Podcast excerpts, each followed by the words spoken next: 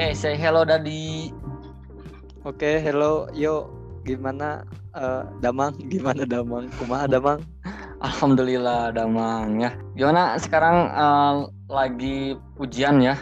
Mm, Alhamdulillah sih beres tapi tapi apa? Ya tapi setelah ujiannya belum beres.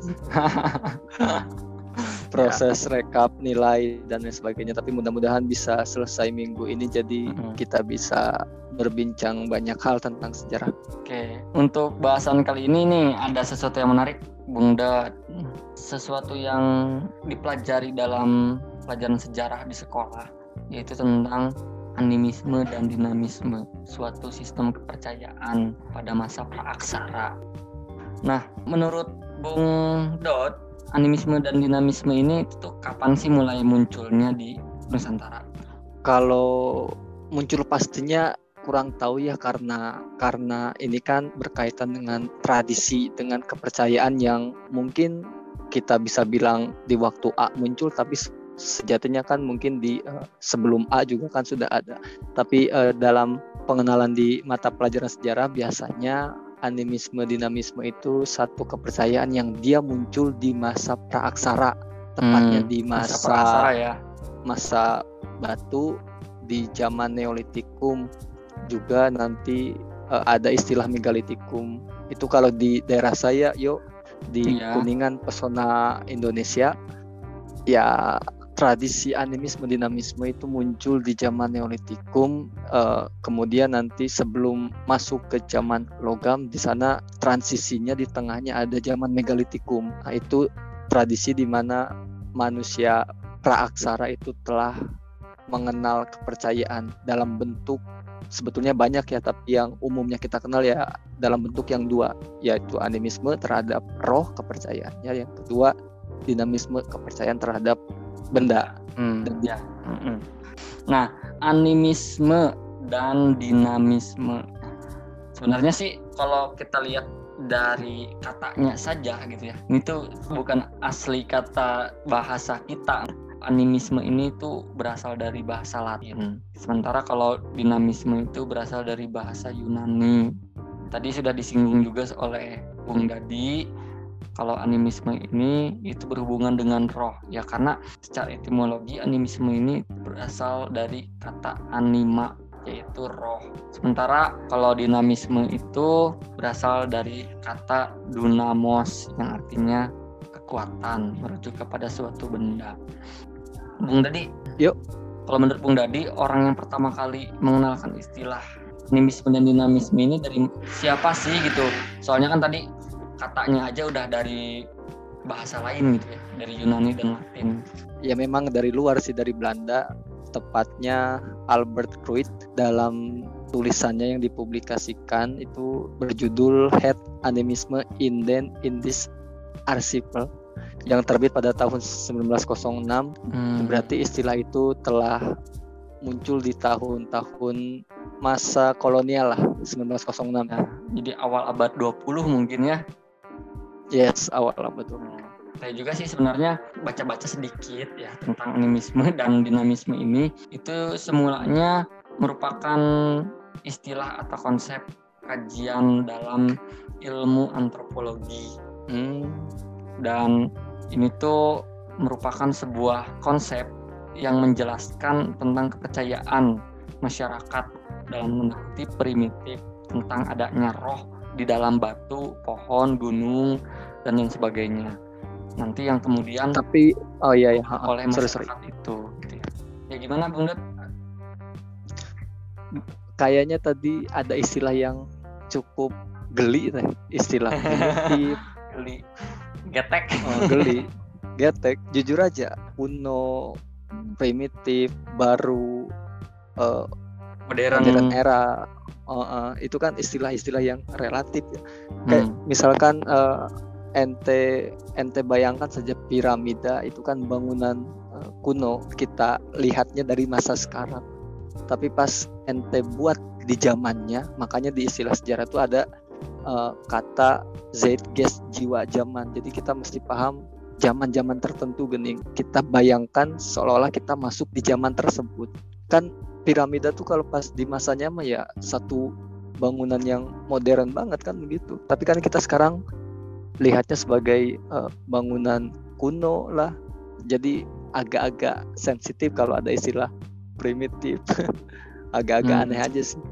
Iya ya, kalau misalnya dalam memahami budaya itu kita itu harus fair ya, harus adil. Yes, mm -mm. betul. Mm -mm. Jadi nggak ada alat ukur untuk menentukan mana budaya yang paling baik, mana budaya yang paling buruk.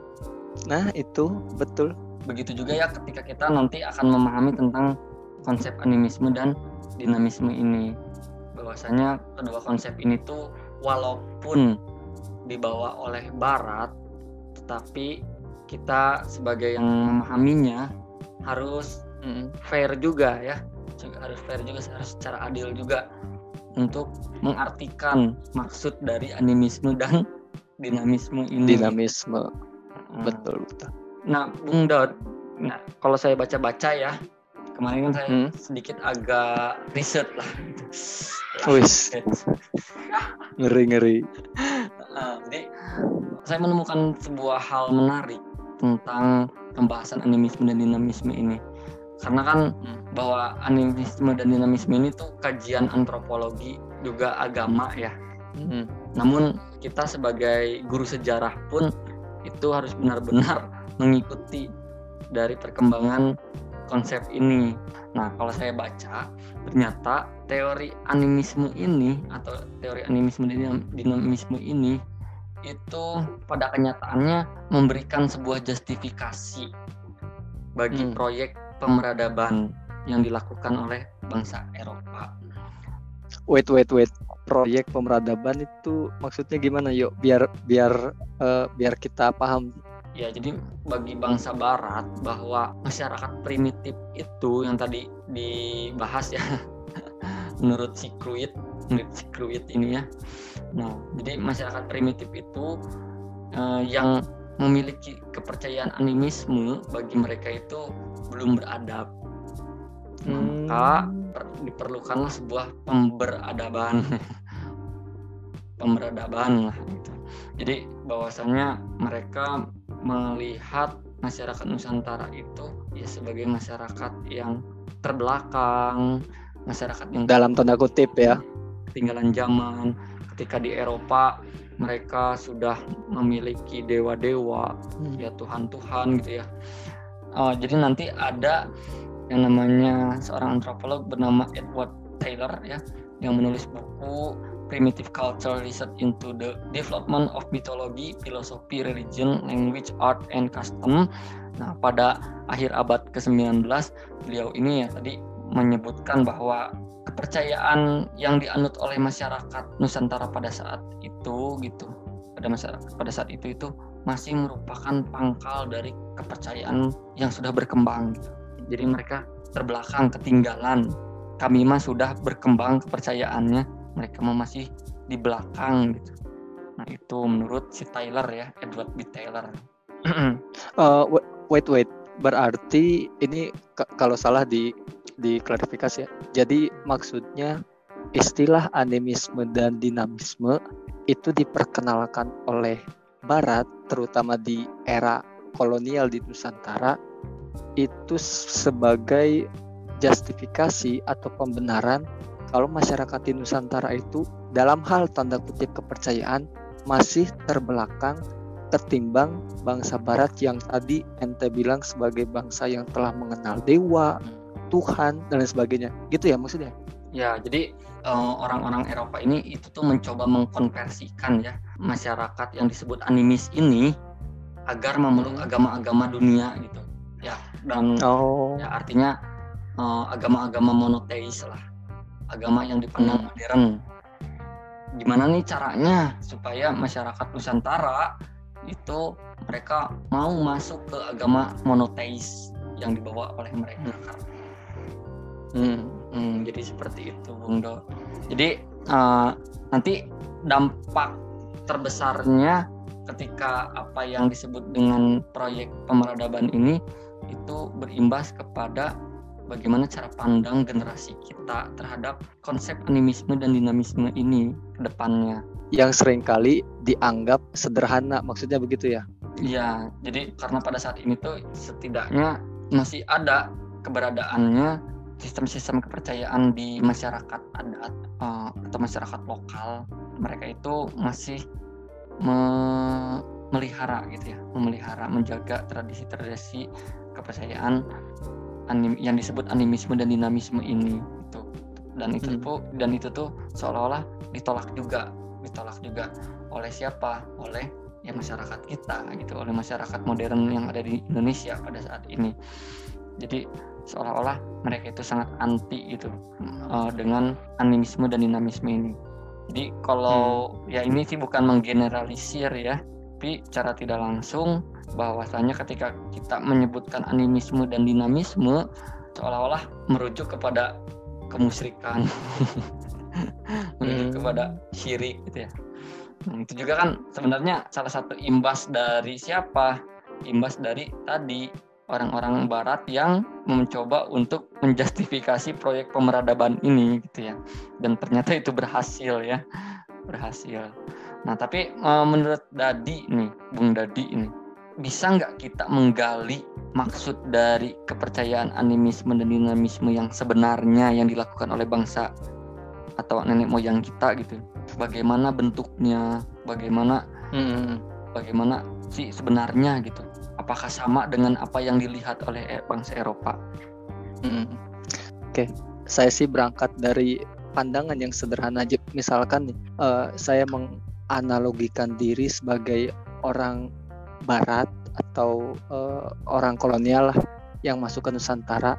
Kemudian karena melihat masyarakat di Nusantara itu secara ritus, secara ritual tapak depan batu, tapak depan uh, mayat, maka secara sederhana saya bilang, wah ini animisme nih. Karena tapak depan mayat misalkan. Kan animisme itu percaya pada roh ya atau hmm, ketika ya. atau ketika saya melihat hmm. orang yang sedang tapak uh, sembah-sembah di depan batu wah ini dinamisme nih. Karena kan dinamisme itu kan kepercayaan terhadap uh, kekuatan uh, benda. Mungkin beranjak dari uh, uh, analogi yang demikian istilah animisme dan dinamisme itu muncul. Tapi uh, memang sih buktinya belum ada ya tapi bisa jadi kayak gitu kan? Ya benar juga Bung terutama lagi kalau kita ngelihat ya gimana kondisi masyarakat kuno Nusantara pada saat itu atau masyarakat pada masa Neolitikum ini ya ketika misalnya hmm. mereka sudah memiliki sistem cocok tanam mereka sudah bisa hmm. membangun eh, tempat-tempat uh, ritus gitu ya yang disebut dengan megalitik ini gitu itu tuh menunjukkan bahwa bagaimana taraf berpikir masyarakat Nusantara pada saat itu sangat kompleks ya sudah sangat berkembang yes yes terutama ya kalau saya melihat dari sisi budayanya pun mereka juga memiliki falsafah-falsafah nilai-nilai moral mm-hmm. dan yang lain mm-hmm. terus bagaimana cara mereka itu memandang alam bagaimana cara mereka memandang manusia bagaimana mereka memandang binatang gitu kalau menurut Bung Dadi ada nggak sih korelasinya antara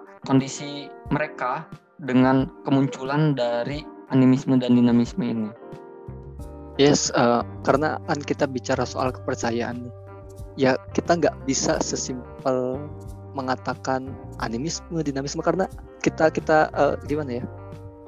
Uh, ente Islam ya. Ya, ya. ya. Ngapain saya ketawa ya? Saya muslim.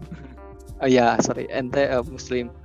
Ente juga misalkan uh, secara ritus juga kan uh, sholat ya ritualnya kan sholat yeah. sholat menghadap hmm. kiblat di iya, kiblat yeah. juga ada ada apa ada Ka'bah di dalam Ka'bah itu kan ada hajar aswad batu hitam kan nggak bukan berarti ente menyembah batu kan ya yes hmm. tapi kan ada satu satu kepercayaan yang bukan batu itu loh tapi jatnya gitu loh tapi sesuatu yang lebih besar dibandingkan batu tersebut gitu yes Artinya berarti kan kepercayaan itu yang nggak sesimpel karena orang tapak depan batu ente dinamisme yang nggak nggak bisa kayak gitu. Hmm. Hmm, hmm, hmm. Ya kalau misalnya kita lihat aja ya, hmm. seperti misalnya uh, memuja memuja pemujaan pemujaan katanya itu tuh sesuatu hmm. yang seharusnya dihindari gitu ya. Seperti pemujaan kepada roh nenek moyang gitu. Pemujaan hmm. kepada pohon pemujaan kepada hmm. batu-batu keramat gitu. Tempat-tempat keramat hmm. gitu kan. Sebenarnya istilah pemujaan juga itu tuh masih sangat rancu gitu ya artinya. Kenapa? Kalau misalnya digunakan di dalam bahasa sehari-hari sehari-hari aja ya tadi istilah puja-puja puja-puji itu tuh sering juga di sering juga diucapkan juga oleh masyarakat umum. Seperti memuja hmm. sang sang pujaan hati gitu ya. Bukan berarti kan kita iya. bukan berarti kan kita menyembah kekasih kita gitu. Yo betul betul betul. Atau ketika misalnya pujaan-pujaan ini tuh kepada orang tua gitu ya. Kita memuja orang tua gitu. Bukan berarti kita menyembah orang tua gitu. Nah ini juga sama yang dilakukan oleh orang-orang Nusantara pada saat itu karena kalau mereka kalau dilihatnya dalam sisi ritus ya seolah-olah itu mereka menyembah benda-benda. Padahal ada sesuatu yang lain yang mereka uh, anggap lebih besar dibandingkan hal-hal tersebut gitu. Dan hal-hal tersebut itu yang sering kali luput dipahami, dipelajari oleh oleh kita ya. Mungkin karena keterbatasan waktu sering main gadget lah YouTube dan sebagainya ya uh, mungkin banyak banyak hal lain. Tapi ya justru itu karena itu yang sering luput. Jadi ya pada akhirnya kita menyederhanakan sesuatu yang kompleks kan begitu. Seperti istilah tadi merujuk kepada sesuatu yang lebih besar dibandingkan roh dan benda ini. Kalau saya temukan di kepercayaan-kepercayaan masyarakat kuno Nusantara, terutama yang ada di Pulau Jawa itu mereka mengenal suatu zat yang maha kuasa, maha pencipta, hmm. yang mengendalikan semuanya, yaitu disebut dengan Sang Hyang. Kalau misalnya di Sunda itu ada Sang Hyang Widi, hmm. bahkan masyarakat Nusantara pun menganggap yang ini itu sesuatu yang tidak bisa mereka gambarkan, tidak bisa mereka imajinasikan. Jadi kalau kembali lagi ketika kita menganalisis tentang animisme dan dinamisme bukan sekedar mereka ini memuja-muja pohon atau memuja-muja roh nenek moyang, tetapi mereka juga sudah sudah menggagas menggagas tentang sesuatu zat atau entitas yang yang maha-maha segalanya gitu bagi mereka. Apa bedanya dengan agama-agama monoteis yang disebarkan oleh siapa? Orang orang-orang barat ini? Tapi nggak menutup kemungkinan juga kan bisa terjadi dua hal. Pertama apa pemujaan terhadap batu itu batu dianggap sebagai medium untuk atau dalam tanda kutip perantara atas sesuatu di atasnya yaitu zat yang uh, maha kuasa.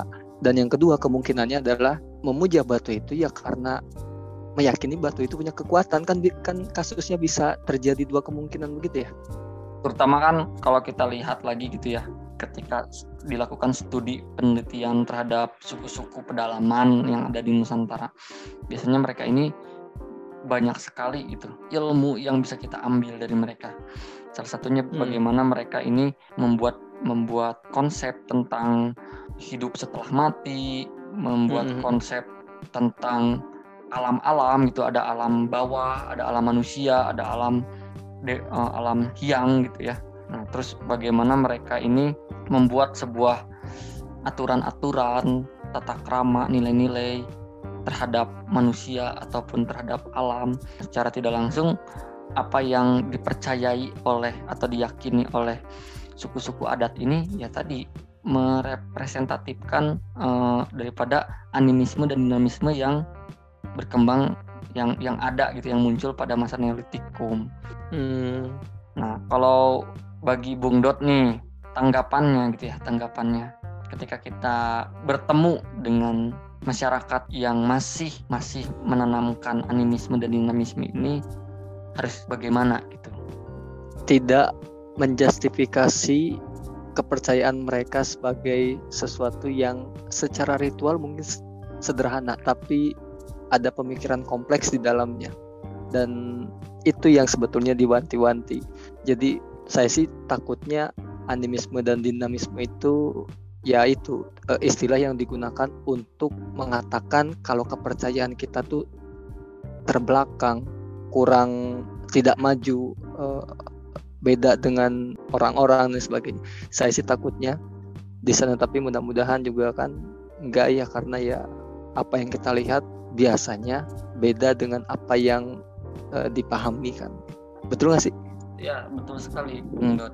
Terutama ketika kita menggali lagi ya, menggali lagi tentang hal-hal positif, hal-hal positif yang bisa kita terapkan di kehidupan kita hmm. uh, tentang animisme dan dinamisme ini. Jadi ya kalau boleh saya sarkas gitu, kalau saya boleh sarkas gitu, ya. ketika misalnya animisme dan dinamisme ini mereka itu sangat menjaga alam. -hmm mereka sangat menjaga alam. Bagaimana mereka menghormati alam bagaimana mereka menjaga alam gitu ya. Dan sering kali di setiap suku-suku adat atau kampung-kampung adat itu ada istilah hutan larangan. Hutan larangan yang mm -hmm. larangan itu suci ya hutan suci yang nggak boleh diganggu gugat. Nah jadi uh, kalau saya boleh menyindir gitu ya kok yang dianggap sebagai masyarakat beragama modern gitu ya, mereka itu malah yang merusak alam dibandingkan dengan uh, kepercayaan-kepercayaan animisme dan dinamisme ini gitu. Siapa sih yang yang membuka lahan tambang? Siapa sih yang menghancurkan hutan, membakar hutan, menggunduli hutan gitu kan? Dan mm-hmm. mereka itu adalah orang-orang yang berstatus sebagai orang-orang yang beragama dan tanda kutip modern ini gitu ya. betul betul. Nah, yang seolah-olah mereka menganggap diri mereka lebih baik dibandingkan orang-orang animisme dan dinamisme gitu. Tapi mudah-mudahan anggapan kita salah ya. Jadi ya. ya semua semua kepercayaan melakukan hal yang baik termasuk juga uh, agama yang tadi ente bilang modern juga melakukan hal yang baik. Jadi sebetulnya luaskan perspektif sih ya biar saling paham, hmm. biar nggak enak justifikasi A, B, C salah benar, hmm. kafir, murtad, musyrik. Ya, oh, intinya sih dari pembahasan kita kali ini gitu ya, pembahasan kita kali ini bahwasannya pandangan atau paradigma Barat terhadap animisme dan dinamisme ini itu ada yang kurang tepat dan perlu direvisi, perlu dikritik hmm, hmm, perlu dikritik sebagai apa? Sebagai membuka cara pandang kita sebagai cucu-cucu dari nenek moyang kita gitu ya. Nenek moyang kita untuk ya tadi menjaga alam menjaga bangsa ini menjaga uh, tanah Nusantara ini. Ada nggak yang ingin disampaikan oleh Bung Dot terkait dengan hal tersebut? Enggak sih paling uh, sebagai closing statement mah ya analoginya kenapa parasut bisa melayang di udara karena parasutnya dibuka. Sama kasusnya dengan pikiran, pikiran juga akan bisa berkembang ketika pikiran kita dibuka. Dibukanya dengan cara apa? Ya tadi memahami segala sesuatunya dengan tidak uh, memahami segala sesuatu dengan dengan perspektif yang luas, tidak uh, tidak sempit, banyak baca, banyak ngobrol, mungkin banyak tanya sama orang tua, terutama terkait dengan uh, tradisi, tradisi dan kepercayaan yang sebetulnya sudah sangat canggih sekali peradaban Nusantara itu. Hmm. Yes, itu paling. Hmm. Ya, terima kasih Bung Dadi. Ya, kalau bagi bagi saya sih sedikit aja ya. Kita jangan diskriminasi animisme dan dinamisme ini. Jangan sampai memarginalkan masyarakat masyarakat adat tersebut gitu ya seolah-olah mereka itu orang-orang terbelakang, orang-orang primitif, orang-orang dan tanda kutip ya tidak mau berkembang, tidak mau maju gitu. Jadi kita harus bijak juga. Mereka punya prinsipnya, kita juga punya prinsipnya. Bagaimana kita saling toleransi, bagaimana kita saling menghargai dan untuk generasi muda eh, Indonesia pada saat ini ya semangat belajar sejarahnya karena dalam belajar sejarah itu tidak hanya kita membahas tentang masa lalu, tetapi juga bagaimana kita untuk lebih bijak lagi menjalani hari ini dan hari yang akan datang. Oke, terima kasih sudah mendengarkan di podcast Historiality. Bung Dot, nanti kita kapan-kapan sharing lagi, oke? Siap, dengan senang hati. Hmm, dengan senang hati ya, oke. Nanti untuk bahasan selanjutnya masih tentang sejarah, namun tetap ikuti dari channel Historiality ini. Mudah-mudahan memberikan manfaat Terima kasih sekali lagi. Assalamualaikum warahmatullahi wabarakatuh.